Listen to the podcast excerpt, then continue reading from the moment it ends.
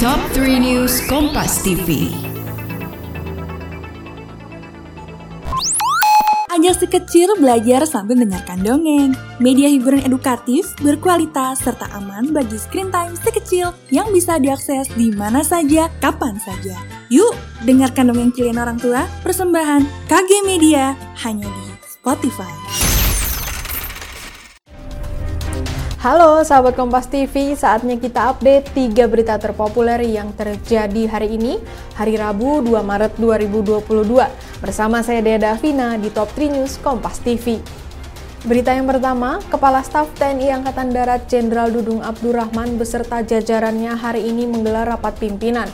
Dalam rapat tersebut, Jenderal Dudung Abdurrahman membahas mengenai evaluasi dampak perang Rusia-Ukraina hingga membahas obrolan WhatsApp grup yang membicarakan IKN. Kepala Staf TNI Angkatan Darat Jenderal Dudung Abdurrahman memastikan pihaknya mendukung penuh pemindahan ibu kota negara ke Penajam Pasar Utara, Kalimantan Timur.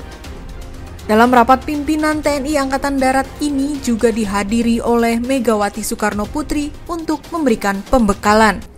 Pengamat politik Rocky Gerung hadir menjadi saksi meringankan dalam sidang lanjutan kasus dugaan terorisme mantan Sekretaris Umum FPI Munarman. Rocky Gerung hadir sebagai saksi ahli filsafat yang dihadirkan tim kuasa hukum Munarman.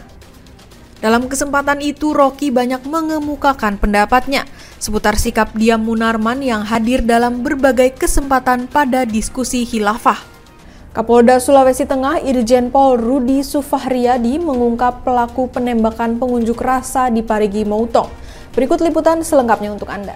Pelaku penembakan kepada salah satu pengunjuk rasa hingga tewas di Parigi Moutong adalah Bribka H, yakni perwira polisi yang bertugas di Polda Sulawesi Tengah.